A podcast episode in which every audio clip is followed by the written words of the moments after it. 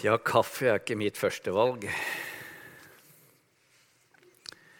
Eh, så jeg var nødt til å prøve å få i meg noen dråper. Men siden dere ikke hadde te, så eh, måtte jeg ta det. Eh, og dere vet jo at kaffe er frommere enn te. Vet dere det? Jo, fordi te Nei, kaffe det er laget på bønner. Mens te er laget på kulørte blader. Men hvorfor lo dere ikke så veldig mye av det siste? Det er jo fordi tidene har forandra seg. Og det er et poeng. Fordi Sa du kulørte blader for 50 år siden? Så var det noe à noe som dere kanskje ikke husker, men det, på det tidspunktet som, eh, som man gikk over fra svart-hvitt-TV til farve-TV, eller man introduserte farve-TV, så var det eh, et ramaskrik. Ja, selv eh, eh, Hva slags minister er det? Eller kringkastingssjef Einar Førde var rett og slett i tvil om at dette ikke var å gå over grensen. Og rett og slett begynne med farver. Og det er fordi det var sett på som syndig. Kulørte blader.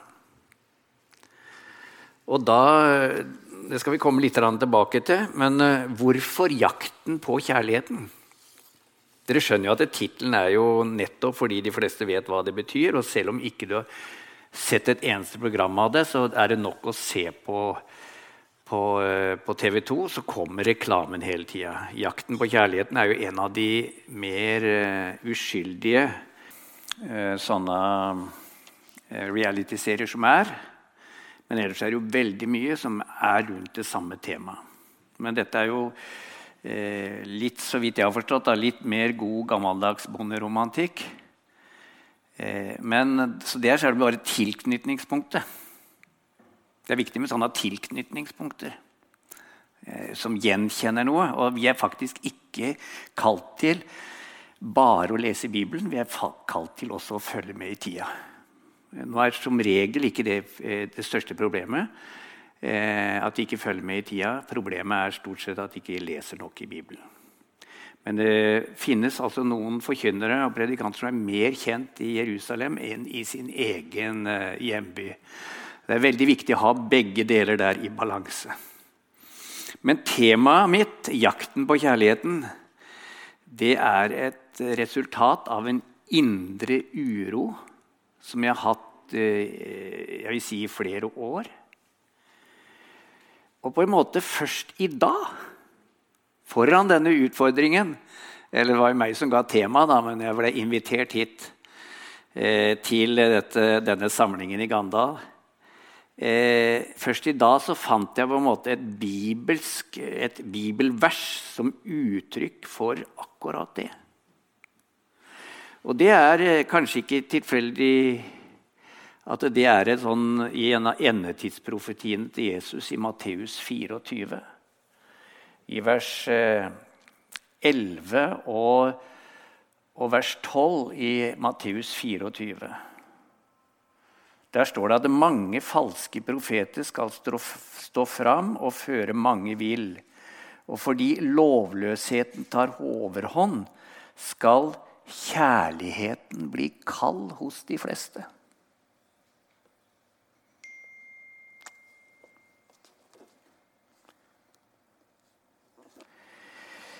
Eh, kjærligheten skal bli kald. Fordi lovløshet og begge de to uttrykkene som vi møter her, både lovløshet og kald kjærlighet, må forstås på bakgrunn av det første verset vi leste, det ellevte verset, hvor det står 'falske profeter' som skal føre mange vill. Eh, i teologien ja forresten I presentasjonen så ble det ikke sagt at jeg har faktisk studert teologi også. da. Så sånn, eh, eh, sånn eh, utdannelsesmessig så har jeg studert teologi. Jeg ble ikke prest i Den norske kirke, Men jeg studerte teologi på Menighetsfakultetet. Og noe har jeg fått med meg, selv om jeg ikke var av de beste teologene. Og sånt nå. Og jeg er ikke av den som liksom leser greske Nytestamentet og det braiske Gamletestamentet hver dag. Eh, men jeg, eh, jeg, kan, jeg har glemt både gresken og hebraisken. Men i teologien så har vi et begrep som heter antinomisme. Og det er en, eh, et, eh, et begrep som er hyperaktuelt i dag og i våre dager og i vår tid. Det er faktisk som kjennetegner vår tid. Eh, og det betyr rett og slett eh, Det betyr egentlig lovløshet. Anti og nomism Det er jo eh, no, Om det er nomos eller sånn, hva som er holdt på å si, eh, grunnordet her. Men det er i hvert fall å ha et sånn negativt forhold. Eh, eh, en avvisning, en forakt for Guds lov. Da er det først og fremst, Når det står antinomisme, så er det først og fremst snakk om Guds lov. Men på en måte kan du snakke om hele Guds ord, for av og til så er de, de sammenfallende. Eh, noen ganger står det loven, og så er det ment hele Guds ord. Eh, Norge er jo ikke noe lovløst samfunn, så vi skulle liksom begynne å finne at nå er vi i de siste tider, folkens, for nå er lovløsheten stor i landet vårt. Nei, den type spekulasjoner Vi skal ikke spekulere for mye. Ja, nå har vi koronaviruset. Det er typisk nå er oppfyllelse av profetiene om de siste tider. og sånt. Nå skal jeg være forsiktig med det. Eh, eller det ønsker jeg å være, selv om det står om at pest er også et endetidstegn. Men eh, går vi tilbake til de som kjenner det, så vet vi at det er ikke første gangen. Eh, vi har eh, pandemier. Så Norge er langt fra noe lovløst samfunn. Eh, Magnus Lagabøter husker vi kanskje. Eh, hans landslov, en av de første store samlingene av lover. Det er, da er vi tilbake til 1274 til 1276. Så Norge er tuftet på lov, og de skal være glad for. Forstatingsloven, som kanskje helt tilbake til årtusen 1000, har jo dette kjente uttrykket 'med lov skal landet bygges', og ikke med ulov ødes'. Så, og kanskje har vi aldri hatt flere lover enn vi har nå. For nå jo eh, Nå er lov, eller i hvert fall regler, blitt ferskvare. Så jeg håper dere er oppdatert på de siste smittevernlovene eller smittevernreglene for Sandnes kommune. For det er Sandnes, ikke sant? Eller er Gandal egen kommune? Nei, det er Sandnes kommune, ja. ja i Lyngdal, hvor jeg er eh, forsamlingsleder, pastor i en, i en eh, bedehusforsamling med IMF, NLM og Nordmisjon, så, så, har vi jo blitt skikkelig råka i den siste tida. Så jeg er veldig spent på om vi kan ha gudstjeneste søndag. Men den vi hadde i går, den gikk digitalt. Men så Vi har lokale smittevernregler, så du må være oppdatert. Du må følge med rett og slett på nyhetene hele tida for å vite hvilke lover som gjelder. Men allikevel så er det en stor endring i lovløs retning når det gjelder det som de kristne oppfatter som Guds lover og som Guds ord. For eh, det er ikke bare snakk om et regelvær her, et, et, rett av det, men, men en, i vid forstand en, en antiholdning til bibelsk lære. Og Det resulterer altså Kjærligheten skal bli kald blant de fleste. Det resulterer i at bibelsk kjærligheten, bibelsk forstått, kommer i ubalanse. Og det fikk jeg bekrefta på en måte i et, i et, uh, i et sånn uke- eller lørdagstillegg uh, som er i Federlandsvennen. Eh, og det var sikkert fordi i går var, eh, var eh, domssøndagen, eller Jesu kongedag, den siste søndagen i kirkeåret. Eh, sikkert derfor at eh, en journalist da hadde intervjua en professor i, i eh, ja, skal vi si, religionshistorie eller noe. Han er forsker veldig mye på, og har skrevet ei bok om religiøse trender i Norge. Professor Pål Repstad på Universitetet i Agder.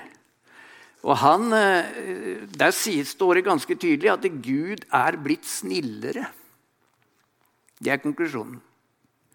Og Det er på en måte det som, har, det som har vært uroen min hele tida. Men første gangen jeg møter det sagt så tydelig, og det er da en mann som ikke er noen konservativ evangelisk kristen, men han bare forsker på trendene og på utviklingen og snakker om det som har skjedd eh, innenfor min levetid de siste 50-60 år. Gud har rett og slett forandret seg. Jeg tror ikke han har forandra seg, seg, reelt, men han har forandra seg i, folks, i det norske folks bevissthet. Det har endret seg. Og Det er derfor jeg begynte med, litt med dette at te er laget av kulørte blader.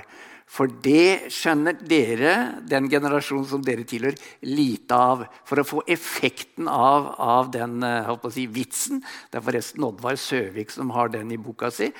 Eh, eh, så, så, må du kjenne til hvilke, hvor alvorlig kulørte blader i sin Ugudelig på en måte kulørte blader var i sin tid. Så Gud er blitt så mye snillere at kulørte blader skjønner vi bare ikke. For alle blader er jo kulørte. Og alle, all video, all TV, alt sammen er jo farverikt.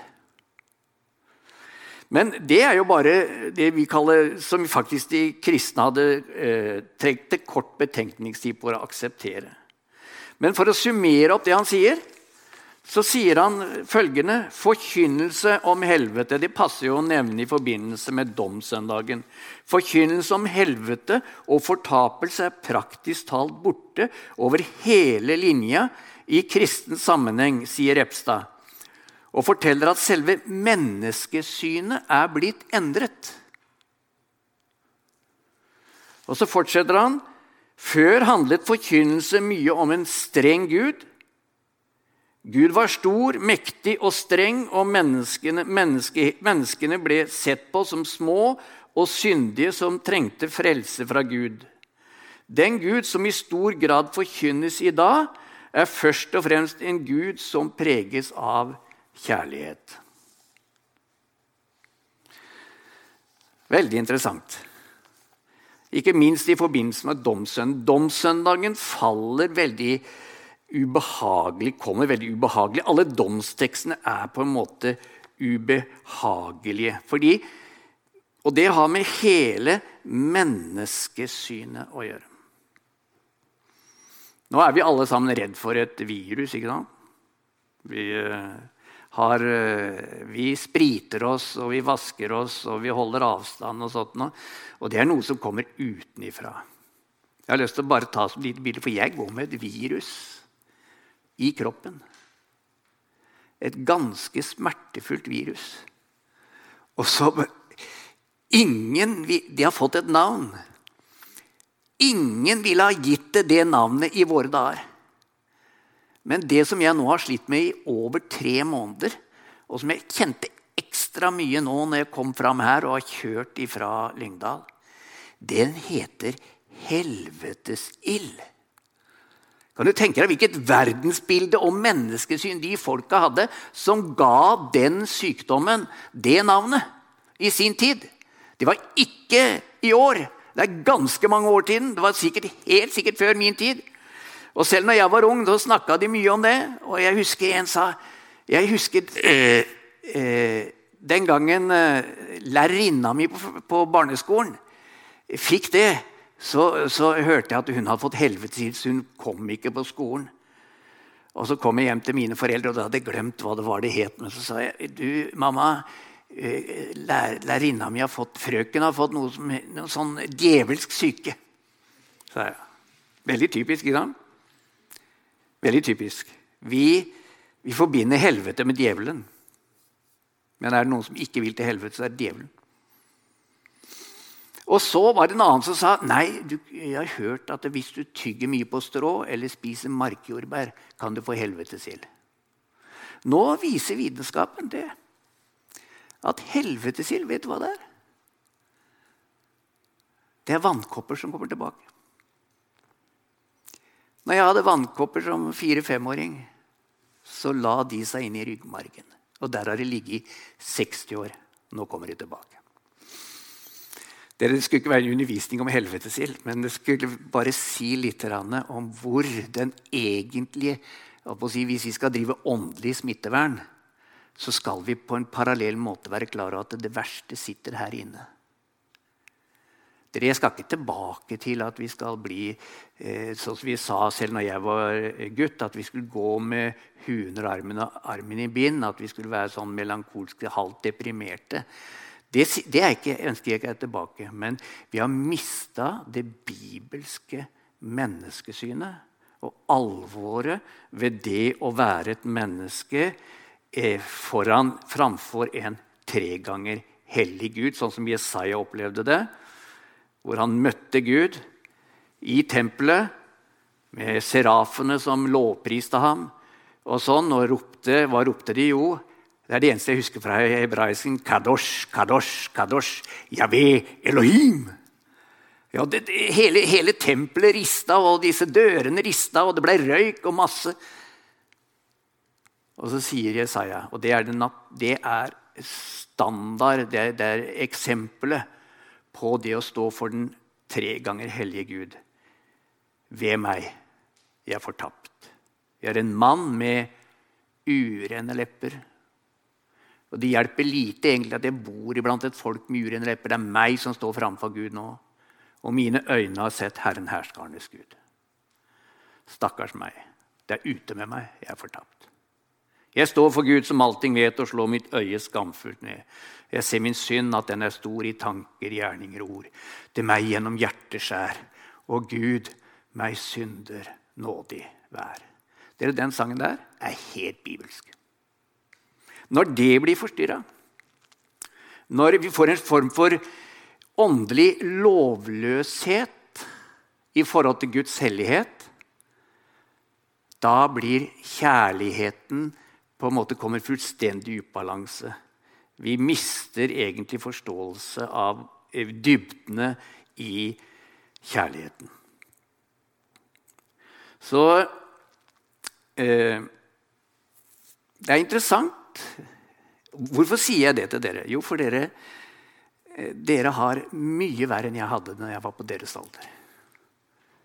Dere står overfor, Den tiden dere vokser opp i, er mye mer krevende. Å skulle å holde eh, Kunne balansere tingene og, og holde Guds ord tydelig og rent uten å gå inn i en getto og samtidig akseptere å være en minoritet for å holde fast ved Guds ord, det er utrolig krevende i vår tid. Det er ikke for ingenting, dere, at uh, i Den norske kirke så har man valgt å fjerne Ikke fjerne, men gjøre det valgfritt å lese Johannes 3, 16 i forbindelse med dåp og begravelse. Begravelsen til Ari Behn, f.eks. Biskopen i Oslo valgte å ikke ta med den. Johannes 3, 16. Det første verset jeg lærte utenat på ungdomsskolen. For så høyt har Gud elsket verden. Det er jo Guds kjærlighet det står om. At han ga sin sønn den enbårne, for at hver den som tror på ham, ikke skal gå Ja, det var ordet, ja. Fortapt men av evig liv. Det er det ordet der. Det er domssøndagens uh, Gjenklangen av domssøndagen som egentlig skaper problemet. Så, man, så, nå kan man få lov til altså å velge bort det som var så sentralt. Og som heter den lille, Det heter ikke 'Den lille bibel' for ingenting. Det er jo nettopp fordi at det var det som enhver, alle bibellesere var enige om. At man, Hadde man bare ett vers å ta med seg, som, som mest kunne ha med seg hele Bibelen, så var det det. Det er det samlede bibelske budskapet i ett vers. Og det første som sies, er jo nettopp Guds kjærlighet. Men den sies nettopp på den mørke bakgrunn som heter ikke bare fortapelsens mulighet, men fortapelsens naturlighet. Av naturen er vi under Guds vrede. Muligheten er jo det, nettopp det å bli frelst. Vi skal ikke gå fortapt, men ha evig liv. Derfor har Gud i sin kjærlighet sendt sin enbårne sønn til soning for våre synder. Så vi lever i en tid hvor den lille Bibelen er blitt kontroversielt. Så vi har fått, i praksis har vi fått en ny lille bibel i vår tid. Og den lyder slik Størst av alt er kjærligheten. Jeg er helt sikker på at dere har hørt det. Jeg er helt sikker på at dere har hørt en del i eller på kanten av kristen sammenheng som skal prøve å summere opp hva, det, hva kristendom går ut på. Og så sier de jo 'størst av alt er kjærligheten'. Det er kjernen i budskapet. Det er evangeliets kjerne. Størst av alt er kjærligheten. Det er ikke det. Og så er det galt sitert i tillegg. Det står 'størst blant dem er kjærligheten'. Det skal vi komme tilbake til antageligvis i, i neste runde i dag. Men eh, kjærlighetens apostel Kjærlighetens apostel Johannes han sier kjærlighetens mål med oss er at vi skal ha frimodighet på dommens dag. sier han. Målet med kjærligheten Da er det først og fremst tenkt Guds kjærlighet. Selve, selve målsetningen med det det er ikke som en, sa, en biskop sa, at vi skal ha det godt i dag. Nei. Målet det er 1. Johannes 4, 17. Kjærlighetens mål med oss er at vi skal ha frimodighet på dommens dag. Det beste du kan gjøre for et menneske, hvis du virkelig elsker ditt medmenneske Det beste du kan gjøre for, er å sørge for at det mennesket tenker på, på dommens dag med frimodighet. Og vet med seg sjøl at den dagen blir ikke en slaktedag, som om, som Jakob skriver om i sitt brev, om de som lever i luksus i denne verden og tar ut alt i denne verden. Nei, det skal bli en forløsningsdag, som det står ellers i Det nye testamentet, for Guds folk. Det er en frigjøringsdag. Løft blikket, for forløsningen stunder til. Det er faktisk en dag vi ser fram til. Vi har frimodighet med tanke på den. Vi skal snakke om det at det faktisk står en del om kjærlighet i Bibelen. Det gjør det.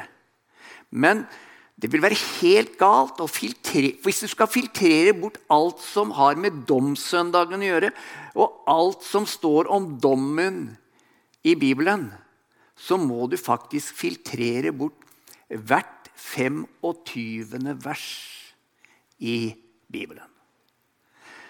Det er han Carl eh, Olof eh, Edsinger. Kanskje dere har hørt om det. Han Eh, er svensk, en svensk teolog. Han har til og med vært ansatt eller er kanskje fremdeles ansatt i Misjonssambandet i en liten stilling. Norsk-luthersk misjonssamband også. Eh, han, det er han som sier det, som har eh, si, samla opp det. Hvert 25. vers i Bibelen taler om Guds dom. Om dommen. Og dommen er faktisk noe positivt. For dommen er uttrykk for at Gud bryr seg. Dommen er uttrykk for at en dag skal det skje rettferdighet. Dommen har, eh, Han løfter fram flere ting om egentlig at dommen også er et uttrykk for Guds kjærlighet. Så dere, Guds kjærlighet i Bibelen, rett forstått, må forstås på bakgrunn av Guds hellighet. Og har du ikke eh, sett inn i Guds hellighet, så har du, ikke, har du, heller ikke grunn til å forstå kjærligheten. Og da må vi eh, avslutte denne første eh, sesjonen, fordi det står om kjærlighet i Bibelen. Det står 32 ganger i Det gamle testamentet er ordet brukt. Og 106 ganger i Det nye testamentet. Det står ikke hvert 25. vers om kjærlighet. Nei, det står langt mindre om kjærlighet og langt mindre om Guds kjærlighet enn om det står om Guds dom og Guds vrede. Men kjærligheten er viktig. Og Når jeg skal snakker om jakten på kjærligheten, så hadde jeg ikke kommet hit bare for å si noe negativt om det. Men uh, utgangspunktet var at jeg hørte så mye prat om kjærlighet at jeg tenkte jeg må finne ut av det. det er, ikke, det er et eller annet som er galt her. Nå må jeg, også eh, brukte jeg rett og slett veldig mye ressurser på å ta avstand. Jeg risikerte egentlig å kaste barnet ut med badevannet. Fordi jeg fikk et sånn negativt forhold til kjærlighet. Fordi jeg bare forholdt meg til misbruk av kjærlighet. Men meningen er jo at vi skal virkelig trenge inn, gå dypt inn i, i det som Bibelen sier om kjærlighet. Og, og, og, ta ut det at det skal være noe positivt, og vi skal ha et positivt forhold til det. Det er ett ord først og fremst i Det gamle testamentet på hebraisk som heter ahaba. Det er eh, eh, Det samler i seg tre greske ord. Når vi snakker om gresk, da er vi i Det nye testamentet. Tre greske ord som eh, noen av de Eller vi bruker i hvert fall to av de veldig vanlige i en eller annen form. Det er til og med blitt fornorska på en måte. Det er eros, som vi har i erotikk. Erotisk. Og så er det filia, som vi har i både homofil og heterofil og autofil og jeg vet ikke hva som du kan være interessert i og glad i, og, og hva skal vi si gal i. Eh, eh, og så er det det som er det aller viktigste, nemlig agape. Og det som jo er interessant, er at agape er et ord som omtrent ikke fins i noen annen litteratur i verdenshistorien på gresk enn i Bibelen. Og som var utfordringen for de 70 Det er derfor den greske oversettelsen av Det gamle testamentet heter Septuaginta. Fordi det var 70 eh, sånne eh, eh, jødiske skriftlærde som satt og oversatte Det gamle testamentet til gresk. Og når de da skulle finne et ord på gresk som, som uttrykte eh, dette som lå i Det gamle testamentet, i Guds kjærlighet, så fant de i praksis ingen. Og det, er noe, det, det er en vidunderlig historie egentlig, om hvordan de tok et av de minst brukte uttrykkene for kjærlighet, som i gresk litteratur fantes eller brukt bare én gang, nemlig agape. Og så tok de det, og så la de det inn, og så brukte de det om Guds kjærlighet. Og så fylte de det, og så har de gitt verdenslitteraturen og verden og menneskeheten eh, gjennom det ordet en, en, en fylde som ikke det fins maken til. Agape. Men altså, det finnes altså egentlig ikke ord eh, eh, annet i Bibelen for å forstå det aller viktigste med kjærligheten. Eros det er den lidenskapelige seksuelle kjærligheten som begjærer den annen for seg. Og det er, eh, det er en hyppig bruk av ordet kjærlighet i Det gamle testamentet. Og bare for å si, si positivt med en gang eh, Vi har en egen bok for akkurat det, som heter Salmos høysang som riktignok en jøde ikke skulle lese før han var 30 år. Måtte være skikkelig voksen. Det er jo egentlig eh, en erotisk bok på mange vis. altså. Eh, det er nesten sånne elskovsteknikker lagt inn i, den boka. Eh, så, så det, det, er sånn typisk sånn bryllupsreiselektyre. Så jeg husker kona mi og jeg vi leste den på bryllupsnatta. Eller kvelden, da. Så, så mange nye bibellesere blir overrasket over den intimiteten en finner der. Åpenheten. Eh, og i og for seg uventede positive holdningen til seksualitet. Eros er en del av pakka. Og så er det filia. Det er kjærlighet av tilbøyelighet og sympati. Den omsorgsfulle kjærligheten på grunnlag av vennskap slektskap eller forbundethet. Autofil er et veldig greit uttrykk for dere som har lest det bladet. Da er du bilgal. ikke sant? Da elsker du biler. Og Sånn er det mange ting. Også, men ikke minst også sånn eh, omsorgsfull mellommenneskelig kjærlighet. Familiært, ikke minst. Og så er det agape, som er det som ikke fins sidestykke til i verden. Som er den fritt utvelgende, givende kjærlighet. Den kjærlighet som ikke elsker fordi en søker noe elskelig i objektet, men spontant og på tross av, slik Guds kjærlighetshandling i Kristus forbilledlig viser. Den elsker fordi den elsker. Det er Guds kjærlighet. Og så eh, sier vi at fra nå av så er det kaffe